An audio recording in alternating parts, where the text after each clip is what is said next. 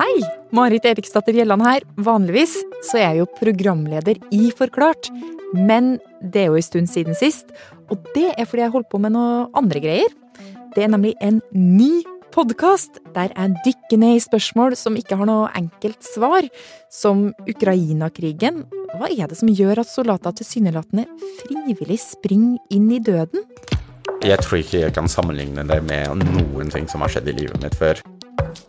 Og kommer vi til å skjønne det hvis KI blir bevisst? Når du prosesserer informasjon og tar intelligente beslutninger, da er vi farlig nær tenking. Eller hva med det her? Hvordan ble et bank på ei dør i Bergen for 30 år siden starten på en av årets mest opprivende debatter? Sjansen for at dette kunne gå galt, var jo veldig stor. Nei, du får komme deg inn i Podme-appen eller Aftenposten-appen og hør ASAP. Dypdykk heter podkasten, og første episode er ut. Det er en stille og måneklar natt i Russlands hovedstad. Plutselig kommer et objekt flyvende inn over Kreml, som eksploderer over den berømte kuppelen, toppen av president Putins offisielle residens.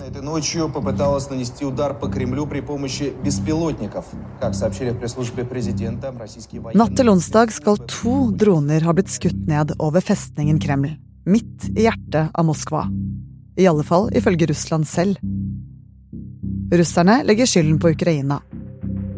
Men det er mye som peker på at det er Russland selv som står bak angrepet. Hvorfor skulle de gjort det? Og hva kan de i så fall tjene på det? Du hører på Forklart fra Aftenposten. Jeg heter Synne Søhol, og i dag er det fredag 5. mai.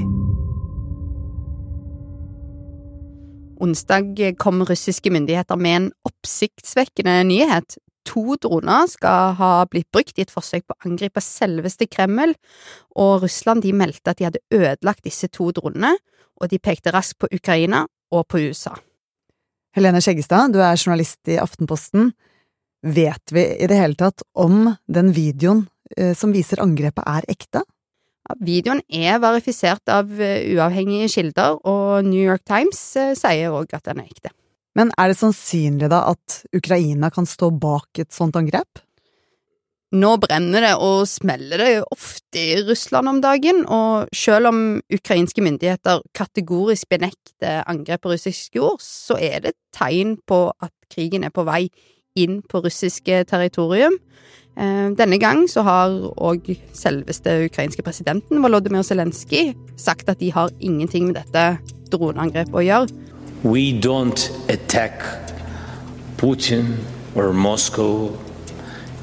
Uh, we fight on, on. Men altså, per nå så er det jo ingen bevis på egentlig noen ting som helst i denne saken. Fremdeles er det mye uklart rundt hva som har skjedd, og ikke minst hvem som står bak. Men eksperter peker på tre muligheter.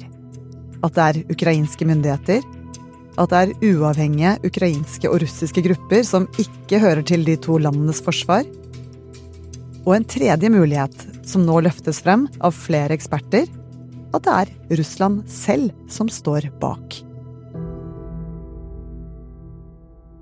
Det høres jo veldig rart ut at et land skal angripe seg sjøl, det gjør jo det, og vi vet ikke hva som har skjedd denne gang heller, men det er altså ikke uten grunn at mange peker på at Russland sjøl kan stå bak.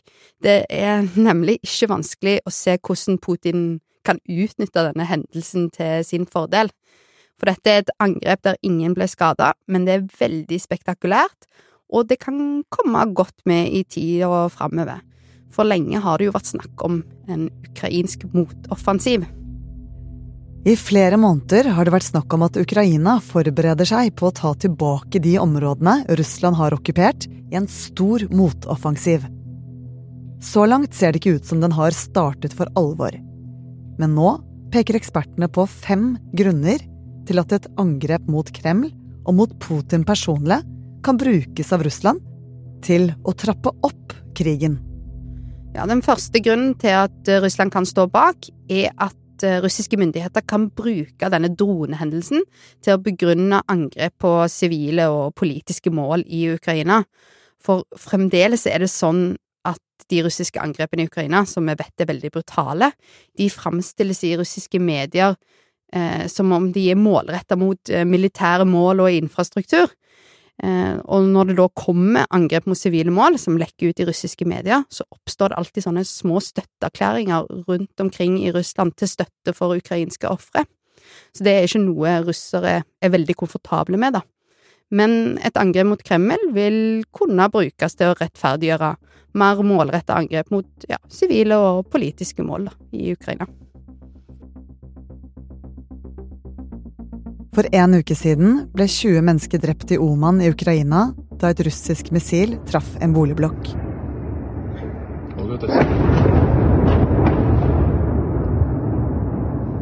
Onsdag denne uken ble minst 21 ukrainere drept i Kherson da russiske raketter traff et supermarked og en jernbanestasjon.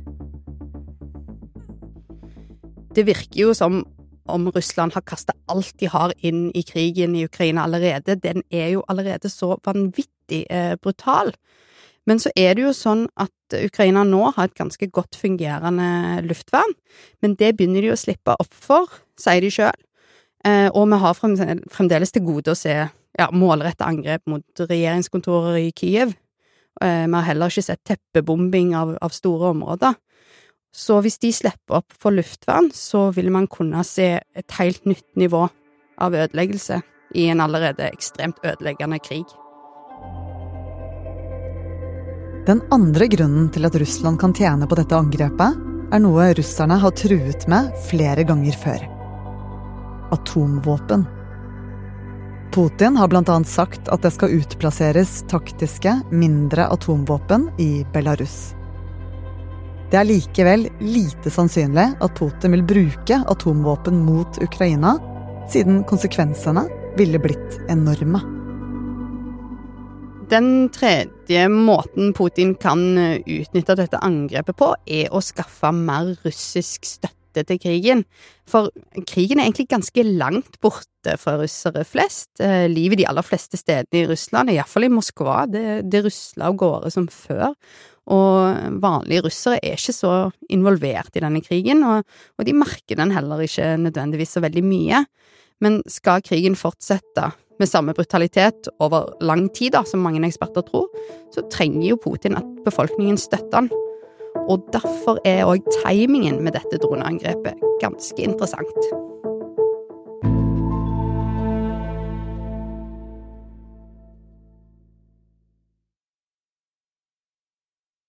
9. mai i Russland, det er omtrent det helligste du får. Det, da markerer hele landet seieren over Nazi-Tyskland, og eksperter de tror at eh, Kreml sitt propagandaapparat vil bruke dette angrepet for det det er verdt, til å si at dette viser at Russland er nødt til å forsvare seg, og er nødt til å fortsette med det de fremdeles kaller den militære spesialoperasjonen, og som vi kaller krig. Men for å gjøre det, så trenger de jo flere soldater, da. I flere runder har Putin rekruttert nye russiske soldater til å kjempe Ukraina. Og i høst ble 300 000 nye soldater hentet til fronten, bl.a. pensjonister og kriminelle. Men denne gangen kan det bli vanskelig for vanlige russere å slippe unna. I høst så ble det jo gjennomført en ekstremt sånn kaotisk mobilisering. Eh, og da klarte veldig mange å bare stikke av fra Russland, eller bare gjemme seg ute på, på landsbygda. Og nå trenger Russland flere soldater igjen. Men denne gang så er det altså blitt gjennomført en digitaliseringsprosess som skal gjøre det lettere å, å få kontroll på egen befolkning. Hva betyr det? Det er sånn i Russland at veldig mye eksisterer kun på papirer med stempler på, som ligger fysisk på et eller annet kontor et eller annet sted. Eh, og i høst da så så vi at det ble, ja, ja, kaos da innkallelsene til det som skulle bli soldater, måtte leveres på papir, og de måtte leveres personlig gjennom sånne lokale rekrutteringskontorer. Og det de skal gjøre nå, er at dette, denne utleveringen av innkallingen, den skal digitaliseres. Alle som mottar en sånn elektronisk innkalling, er pliktig til å møte opp på et rekrutteringskontor, og hvis du ikke møter opp, så får du forbud mot å reise utenlands. Så dette kan jo bety at det kommer en ny, mer omfattende mobilisering av eh, Russlands unge menn på et eller annet tidspunkt. Hvordan henger det sammen med det angivelige droneangrepet mot Kreml, da? Ja, det er jo et godt spørsmål, og, og det, men det har rett og slett vært litt vanskelig å forklare hvorfor unge russiske menn skal risikere livet sitt i en litt sånn vagt begrunna krig i nabolandet. Eller, det er jo ikke krig engang, det er spesialoperasjon. Eh, men hvis de nå starter en ny mobilisering, så skader det ikke å ha et angrep midt i Moskva og begrunne det med. Den femte og siste grunnen handler om Putin selv. For han er veldig opptatt av hva som kommer til å stå om han i historiebøkene. Ja, torsdag så var russiske statlige medier fulle av overskrifter om at dette angrepet var et angrep på Kreml og på Putin personlig. Eh, det til tross for at han ja, nesten aldri overnatter i Kreml, og at det var, ja, ifølge videoene, relativt små eksplosjoner. Men når historien om krigen skal skrives, så vil dette angrepet i russiske medier stå igjen som et angrep på Putin sjøl, og det er neppe tilfeldig. Eh, Vladimir Putin er jo altså nesten sykelig opptatt av hvordan historien om han sjøl og hans styre vil se ut. Og onsdag så ble det jo skrevet et nytt kapittel, og det er egentlig et kapittel der han kan framstille seg sjøl som et offer. Så disse fem grunnene gjør at mange eksperter tror at Russland kan stå bak angrepet selv. Men igjen, vi vet fortsatt ikke hva som egentlig har skjedd. For på den andre siden, det er noe som skurrer med denne historien. Dette droneangrepet ser jo unektelig ganske dumt ut. For uh, hva sier det om det russiske luftforsvaret at de slipper inn en drone liksom inn i det aller helligste? Og ja, hvor god kontroll har da Russland egentlig på sikkerhet i eget land? Uh, det sier jo rett og slett at dette luftforsvaret ikke fungerer særlig godt, helt enkelt og greit. Hvis Ukraina har fått til dette her, er ikke det ganske flaut for uh, Putin? På videoen så er dronen godt synlig, og den kommer jo seg helt inn til ja, kuppelen i Kreml, eh, Vladimir Putins eh, residens. Og at noen klarer å nå fram til maktens sentrum i Moskva med ei drone, det, ja, det stiller jo Russland i stor forlegenhet. Det må jo være ganske flaut. Og så er det jo sånn at dronen må ha flydd ja, hva er det, 450 km fra Ukrainas grense helt inn til Kreml. Og, og, så vet vi jo at Ukraina har droner som kan gjøre det. Og vi har jo òg sett at det har vært droneangrep tidligere i Russland. Og vi vet jo at det er mange i Kiev som føler at de ikke lenger har noe å tape. Russerne har jo liksom De har jo bomba sykehus, de har bomba boligblokker, og de har tatt varmen, og de har tatt vannet fra sivilbefolkningen. Altså, de har tatt enormt mange liv og hverdagen ja, fra et helt land. Det er ikke rart om det finnes ukrainske miljøer som tenker at de vil slå tilbake, og da slå tilbake mot mannen som starta hele krigen, Vladimir Putin.